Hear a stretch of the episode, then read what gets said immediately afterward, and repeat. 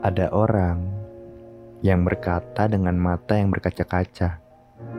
Aku pengen deh ngerasain berhasil itu seperti apa. Satu kali aja juga nggak apa-apa. Dia berkata seperti ini karena sepanjang hidupnya dia tidak pernah merasakan sebuah keberhasilan apa pun sampai dengan usianya yang sedewasa ini. Ada luka yang amat mendalam dia simpan, dan ada tangis yang tertahan selama puluhan tahun, serta ketidakadilan yang selalu ia rasakan.